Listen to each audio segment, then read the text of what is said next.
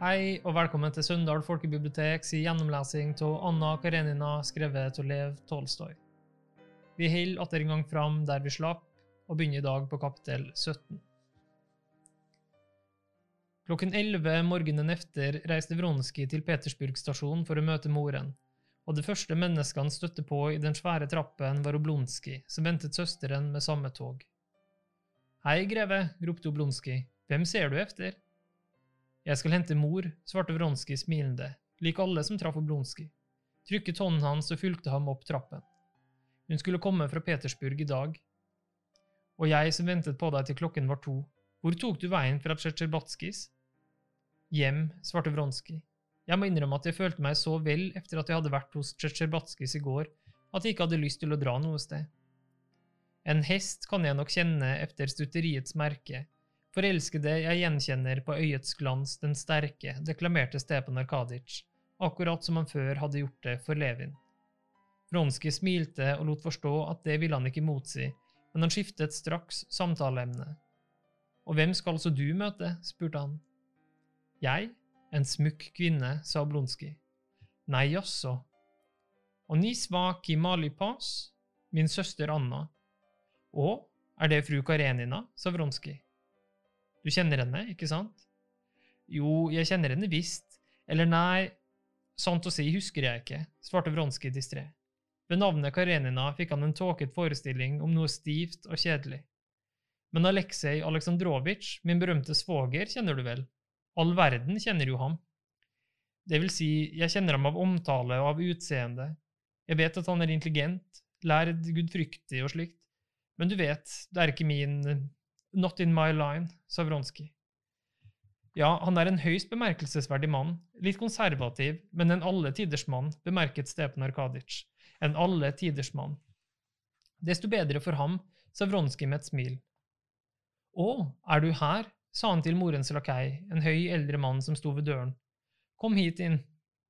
I denne siste tiden hadde Vronskij følt seg knyttet til Stepan Arkadic, ikke bare på grunn av hans alminnelige vennlighet mot alle og enhver, men også fordi han i Vronskijs bevissthet sto i forbindelse med Kitty. Hva sier du, skal vi ikke arrangere en suppé for divaen til søndag, sa han og tok ham smilende under armen. Så absolutt, jeg skal samle påmeldelser. Men ble du kjent med min venn Levin i går? spurte Stepan Arkadic.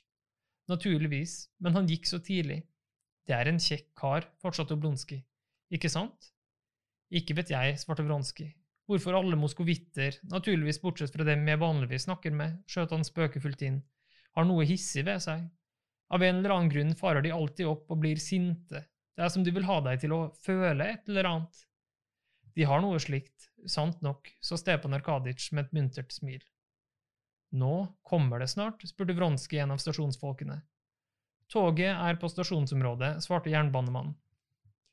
At toget nærmet seg, ble stadig tydeligere av all trafikken og alle forberedelsene på stasjonen.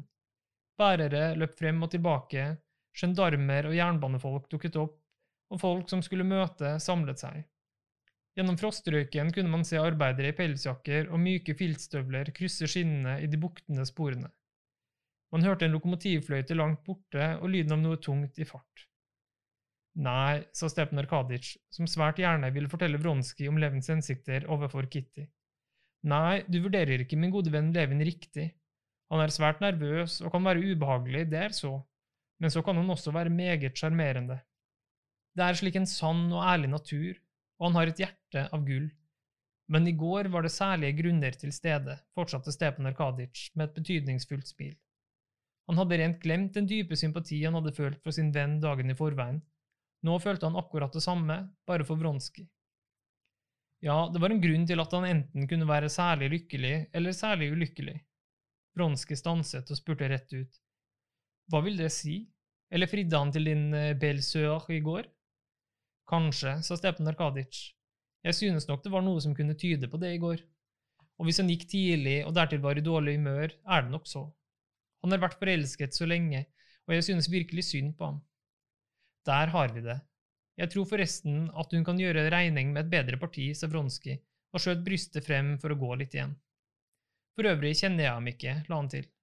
Ja, det er en sørgelig stilling. Det er vel derfor også storparten foretrekker å holde seg til gatens skjønnheter. Der beviser et uhell bare at du mangler penger, men her blir din sanne verdi veiet. Men der har vi toget. I det fjerne hørte man virkelig bruset av lokomotivet. Noen minutter senere begynte plattformen å skjelve, og lokomotivet kom rullende mens frosten slo den fossende dampen ned. Midthjulets drivstenger bøyet seg sammen og foldet seg ut langsomt og regelmessig, og lokomotivføreren sto inntullet i sine rimete klær og hilste. Bak tenderen begynte vognen med reisegodser, deriblant en hvinende hund, å gli frem mens farten stadig avtok, og plattformen skalv stadig sterkere. Til slutt kom passasjervognene, ristet og stanset. En flott konduktør sprang av toget mens han ga et signal med fløyten, og efter ham begynte de utålmodige passasjerene å stige av én efter én. En strunk gardeoffiser som så seg barskt omkring, en geskjeftig liten kjøpmann med veske og en bonde med sekk over skulderen. Bronski sto ved siden av Oblonskij og så på vognene og folkene som strømmet ut av dem. Moren hadde han fullstendig glemt. Det han nettopp hadde fått vite om Kitty, gjorde ham opprømt og glad. Brystet hans svulmet uvilkårlig, og øynene skinte. Han følte seg som seierherre. Grevinne Vronskaja er i denne kupeen, sa den flotte konduktøren, som nå var kommet bort til Vronskij. Konduktørens ord vekket ham og fikk ham til å tenke på moren og det forestående møtet med henne. I sitt hjerte hadde han ingen respekt for moren, og uten å tenke over hva grunnen kunne være, var han ikke glad i henne. Skjønt, efter de begreper som hersket i det miljøet hvor han hørte hjemme, og efter hele sin oppdragelse, kunne han ikke forestille seg noe annet forhold til moren enn den dypeste ærbødighet og ærefrykt. Men jo mindre han respekterte og elsket henne i sitt hjerte, jo større ble denne ærbødigheten og ærefrykten i det ytre. Kapittel 18 Vronskij fulgte efter konduktøren inn i vognen og stanset ved kupédøren for å slippe forbi en dame som skulle ut. Verdensmannens sikre blikk fortalte ham straks at dette var en dame av det aller beste selskap. Han unnskyldte seg og ville stige inn i kupeen, men følte med ett trang til å kaste enda et blikk på henne. Ikke fordi hun var meget vakker, ikke fordi hele hennes figur vitnet om eleganse og dempet gratie, men fordi det hadde vært et eiendommelig kjærlig og ømt uttrykk i det skjønne ansiktet da hun poserte ham. Da han så seg tilbake, snudde hun også hodet. De strålende, grå øynene, som virket så mørke under de tykke øyenvippene, stanset vennlig og oppmerksomt på ham, som om hun kjente ham igjen, men flyttet seg straks over på mengden som nærmet seg. Det var som de søkte noen. I dette korte blikket rakk Vronsky å legge merke til en tilbaketrengt livlighet som spilte i ansiktet hennes og flagret mellom de strålende øynene og det nesten umerkelige smilet som kruset leppene hennes. Det var som hennes vesen flommet over av noe som trosset hennes vilje, og ga seg uttrykk snart i øyenglansen, snart i smilet.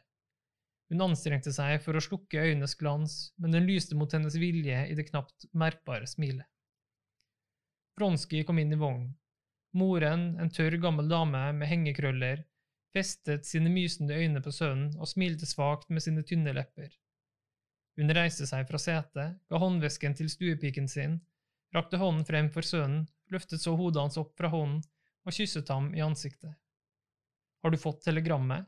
Er du frisk? Gudskjelov. Har de hatt en fin reise? sa sønnen og satte seg ved siden av henne. Han måtte uvilkårlig lytte til en kvinnestemme på den andre siden av døren. Han visste at det var stemmen til den damen han hadde møtt da han kom inn. Allikevel er jeg ikke enig med dem, sa damens stemme. En Petersburg-mening, frue. Ikke en Petersburg-mening, men ganske enkelt en kvinnes mening, svarte hun. Vel, vel, la meg så kysse deres hånd. Adjø, Ivan Petrovitsj, og se så om ikke min bror er her, og send ham til meg, sa damen like utenfor døren og kom inn i kupeen igjen. Nå fant de deres bror, sa grevinne Vronskaja til damen. Nå husket Vronskij at hun var fru Karenina. Deres bror er her, sa han idet han reiste seg. Unnskyld meg, men jeg kjente dem ikke igjen, og vårt bekjentskap var jo også så kortvarig, Sevronskij bukket, at de sikkert ikke husker meg. Å jo da, sa hun, jeg ville ha gjenkjent dem, for deres mor og jeg har visst ikke snakket om annet enn dem hele veien, sa hun, og lot endelig livet som hadde trengt på, få uttrykk i smilet. Men min bror er her visst ikke. Rop på ham, Aljosa, sa den gamle grevinnen. Bronski gikk ut på plattformen og ropte. Oblonski! Her! Men fru Karenina ventet ikke til broren kom. Så snart hun øynet ham, gikk hun med bestemte, lette skritt ut av vognen.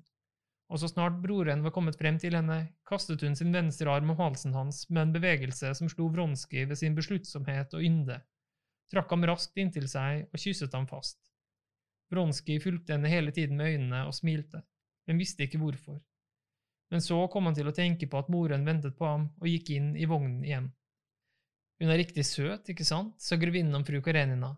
Det var mannen hennes som plasserte henne ved siden av meg, og jeg ble ordentlig glad. Vi har snakket sammen hele veien. Nå, og du, hører jeg. Vår filielle parfait, amour.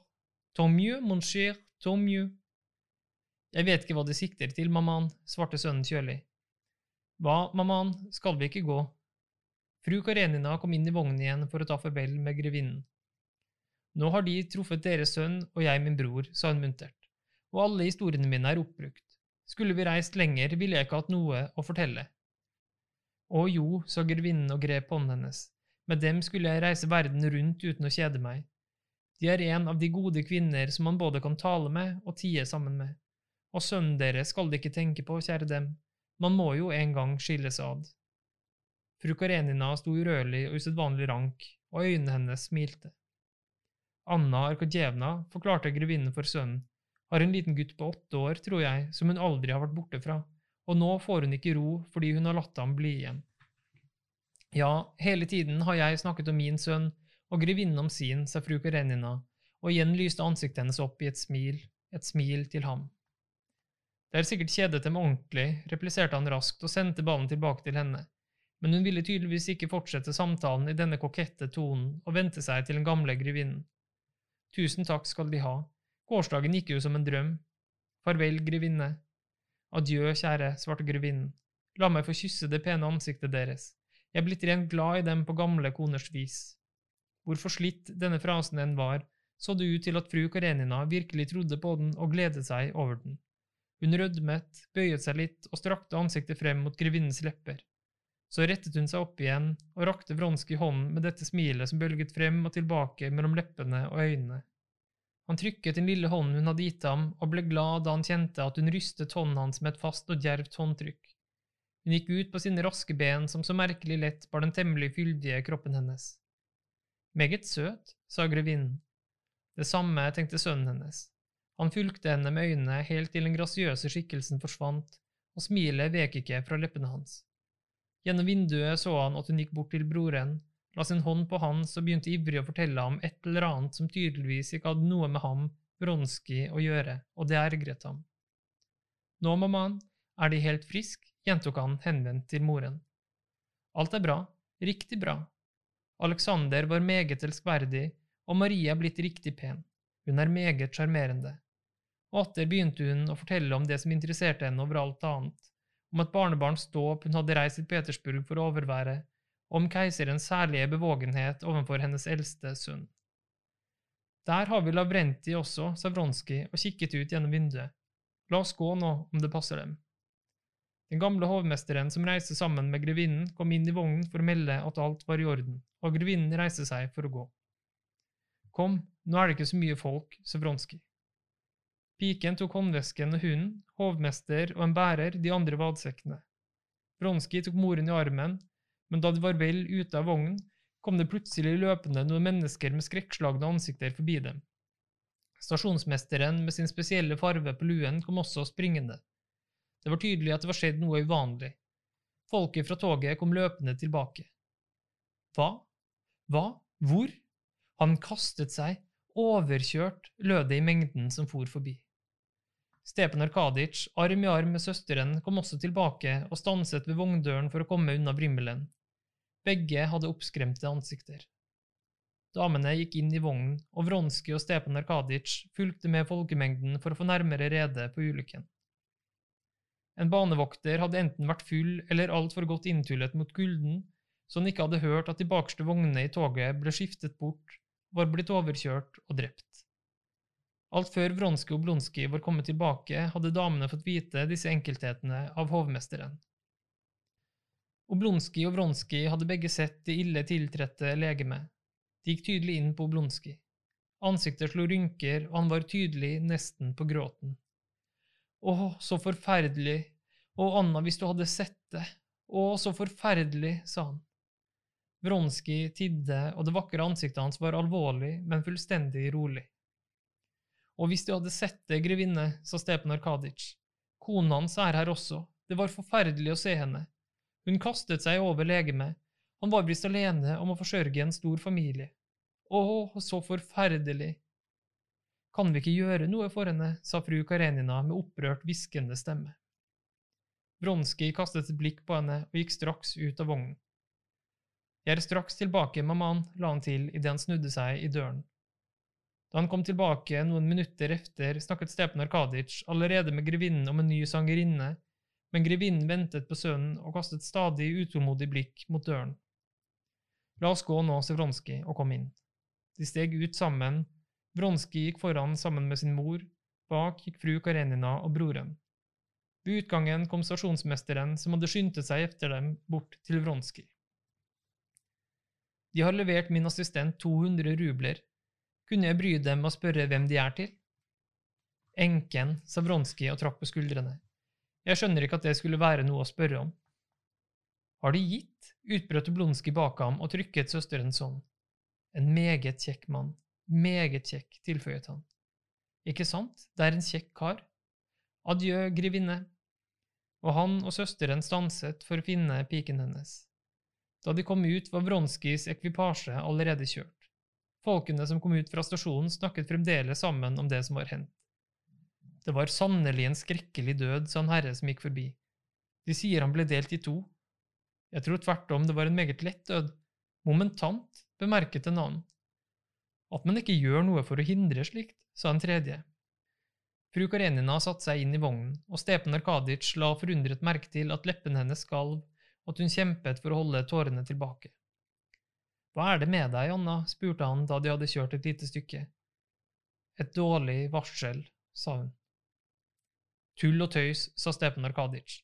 Du er kommet, det er hovedsaken. Du kan ikke forestille deg hvilket håp jeg setter til deg.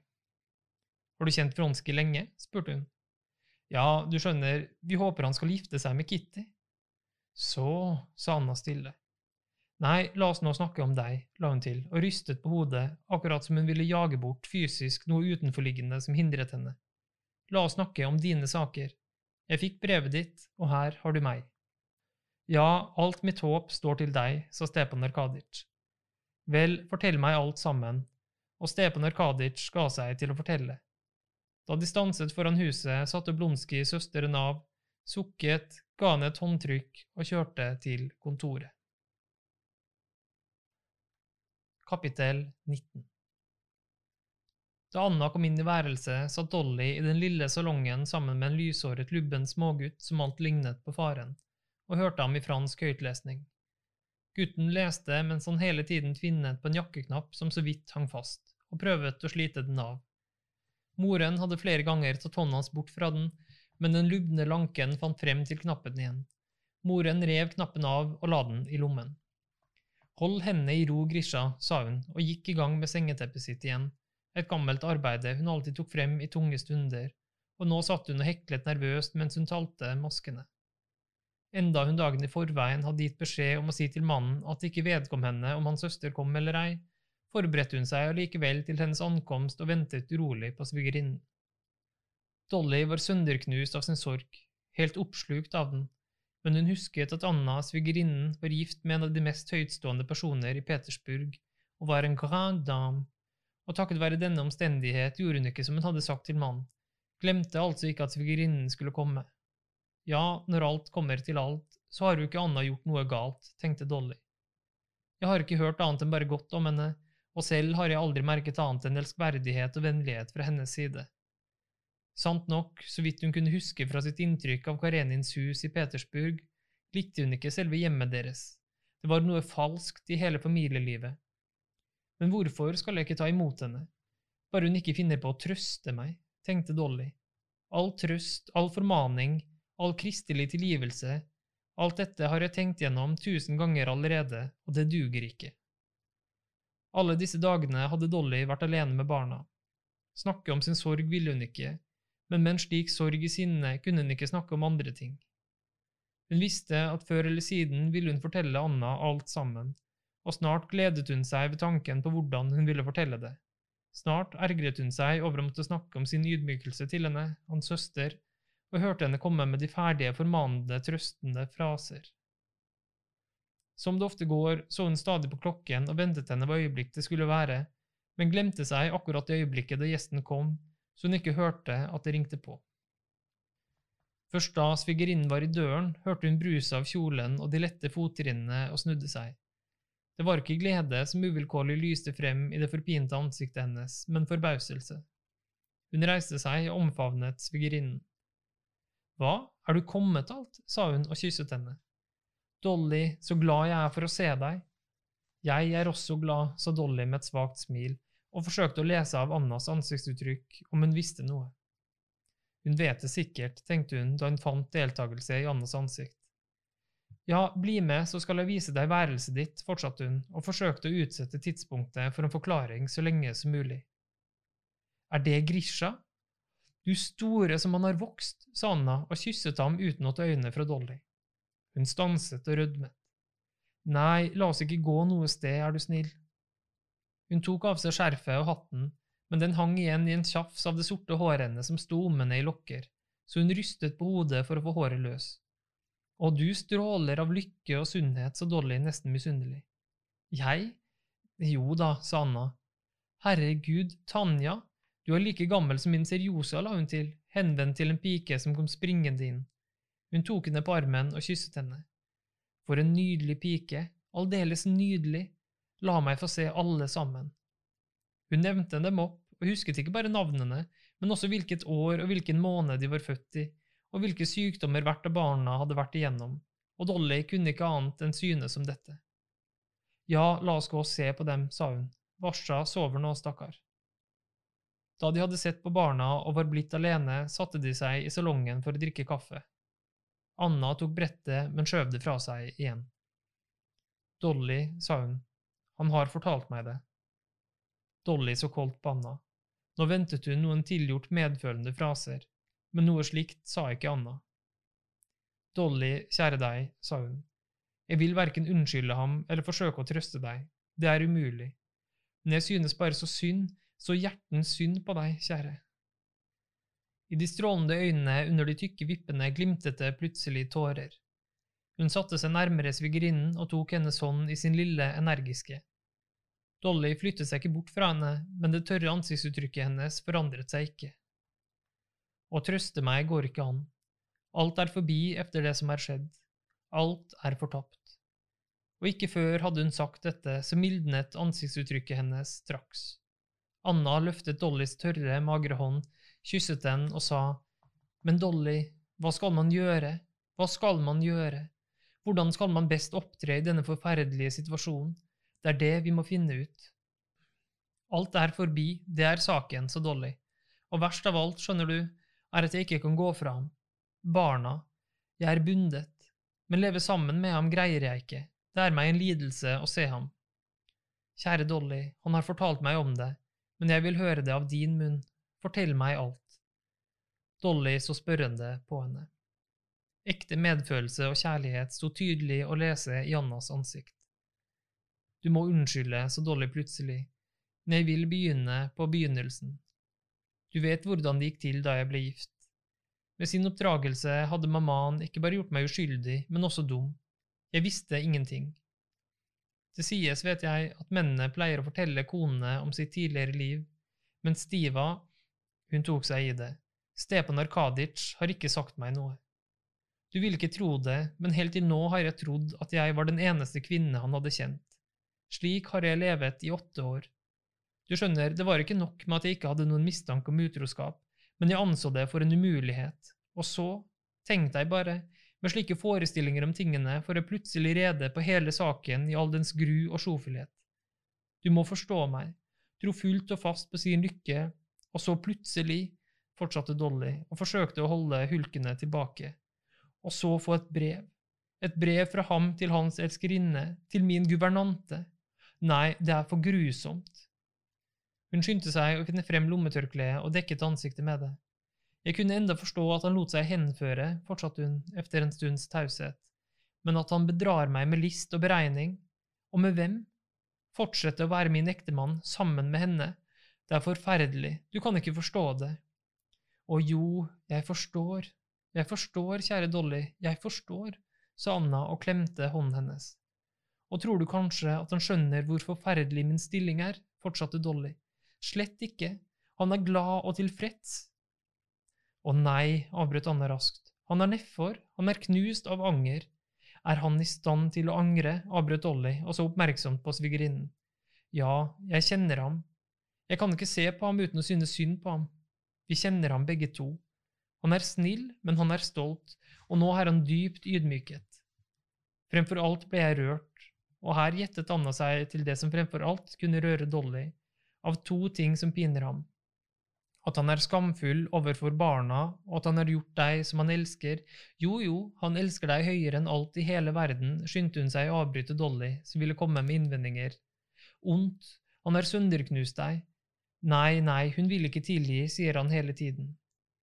Dolly så tankefullt ut i luften mens hun hørte på hva svigerinnen hadde å si. Ja, jeg forstår at han er i en fryktelig situasjon. Det er verre for den skyldige enn for den uskyldige, sa hun hvis han føler at hele ulykken er hans skyld. Men hvordan skal jeg kunne tilgi? Hvordan skal jeg kunne bli hans hustru igjen efter henne? Å leve sammen med ham nå vil bli en pine for meg, nettopp fordi jeg holder så av min gamle kjærlighet til ham. Og hulkene trengte seg frem gjennom ordene hennes. Men hver gang hun ble bløtgjort, begynte hun nesten som med hensikt å snakke om det som ergret henne. Hun er jo ung og vakker, fortsatte hun. Vet du, Anna, hvem det er som har tatt min ungdom og skjønnhet? Han og hans barn. Jeg er uttjent hos ham, og i den tjenesten er alt mitt gått med, og nå har han det selvsagt morsommere med et friskt og simpelt vesen. De har sikkert snakket sammen om meg, eller enda verre, holdt munn, forstår du? Igjen lyste øynene hennes hatefullt. Og efter dette vil han komme her og si, Hva, skal jeg tro ham? Aldri. Nei, nå er det borte, alt sammen alt som før var min trøst og lønn for mitt slit og strev. Kan du tro meg? Jeg underviste nettopp Grisha. Før var det en glede, nå er det en lidelse. Hvorfor sliter jeg og henger i?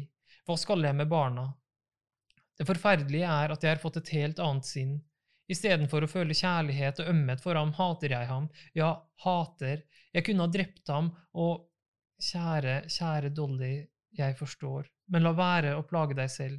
Du er så såret, så opprørt, at du ser mangt og meget i et galt lys. Dolly roet seg, og de satt tause et par minutter. Hva skal jeg gjøre? Tenk ut noe, Anna, hjelp meg, jeg har tenkt igjennom alt og ser ingen utvei. Anna kunne ikke tenke ut noe, men hvert ord, hvert uttrykk i svigerinnens ansikt ga gjenklang i hennes hjerte. Jeg vil bare si én ting, begynte Anna. Jeg er hans søster, og jeg kjenner hans karakter. Denne tendensen til å glemme alt, alt, hun gjorde en håndbevegelse foran pannen, denne tendensen til helt å la seg henføre, men derfor også til å angre fullt og helt. Nå kan han ikke tro, ikke forstå at han kunne gjøre det han har gjort. Jo, han forstår, han har forstått det, avbrøt Dolly. Men jeg, du glemmer meg, tror du det er lettere for meg? Vent nå, da han snakket med meg, det skal jeg innrømme, forsto jeg enda ikke din forferdelige stilling til bunns. Jeg så bare ham og oppløsningen i familien. Jeg syntes synd på ham, men nå da jeg har snakket med deg, ser jeg som kvinne hele saken annerledes. Jeg ser hvorledes du lider, og jeg kan ikke få sagt hvor ondt det gjør meg. Men kjære, gode Dolly, jeg forstår dine lidelser til fulle. Bare én ting vet jeg ikke. Jeg vet ikke… Jeg vet ikke hvorvidt det ennå finnes kjærlighet til ham i din sjel. Du vet det, om det er så mye at han kan få tilgivelse. Hvis det er, så tilgi. Nei, begynte Dolly, men Anna avbrøt henne nok en gang og kysset hånden hennes. Jeg kjenner sosietetslivet bedre enn du, sa hun. Jeg kjenner slike folk som Stiva og vet hvordan de ser på dette.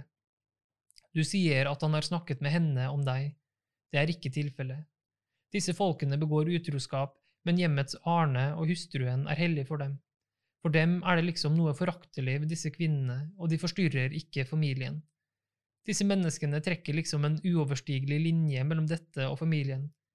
Jeg forstår ikke noe av det, men det er så. Men han har jo kysset henne. Dolly, vent litt, kjære. Jeg så Stiva da han var forelsket i deg. Jeg husker den tiden han kom til meg og gråt og fortalte om deg, hvor opphøyet og poetisk du var for ham. Jeg vet jo at jo lenger han levet sammen med deg, jo høyere steg du i hans øyne. Vi lo jo somme tider av ham når han føyet til hvert ord han sa, Dolly er en vidunderlig kvinne. For ham har det bestandig vært guddommelig. Hans sjel har ikke vært med i denne henførelsen. Men hvis denne henførelsen gjentar seg, det kan den ikke, så vidt jeg begriper. Ja vel, men ville du ha tilgitt? Jeg vet ikke, jeg kan ikke dømme om det. Jo, jeg kan, sa Anna efter å ha tenkt seg litt om, og da hun hadde grepet situasjonen og veiet den på sitt hjertes vekt, la hun til, jo, jeg kan. Jo, jeg ville ha tilgitt.